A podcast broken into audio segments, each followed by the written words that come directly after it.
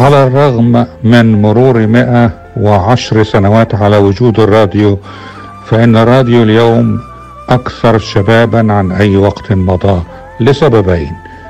السبب الأول هو أن التكنولوجيا تطورت بما يجعل الراديو أكثر وسائل الإعلام مقدرة على وصول المعلومات إلى المجتمعات المحلية والإقليمية والدولية.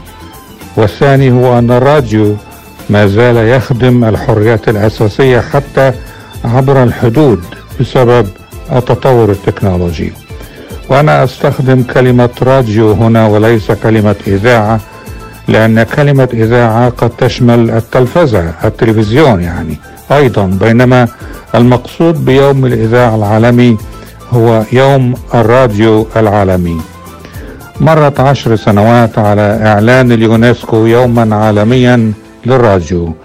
وهذا دليل على حقيقة أن الراديو هو صوت من لا صوت له وهو صوت التعددية بكافة أشكالها.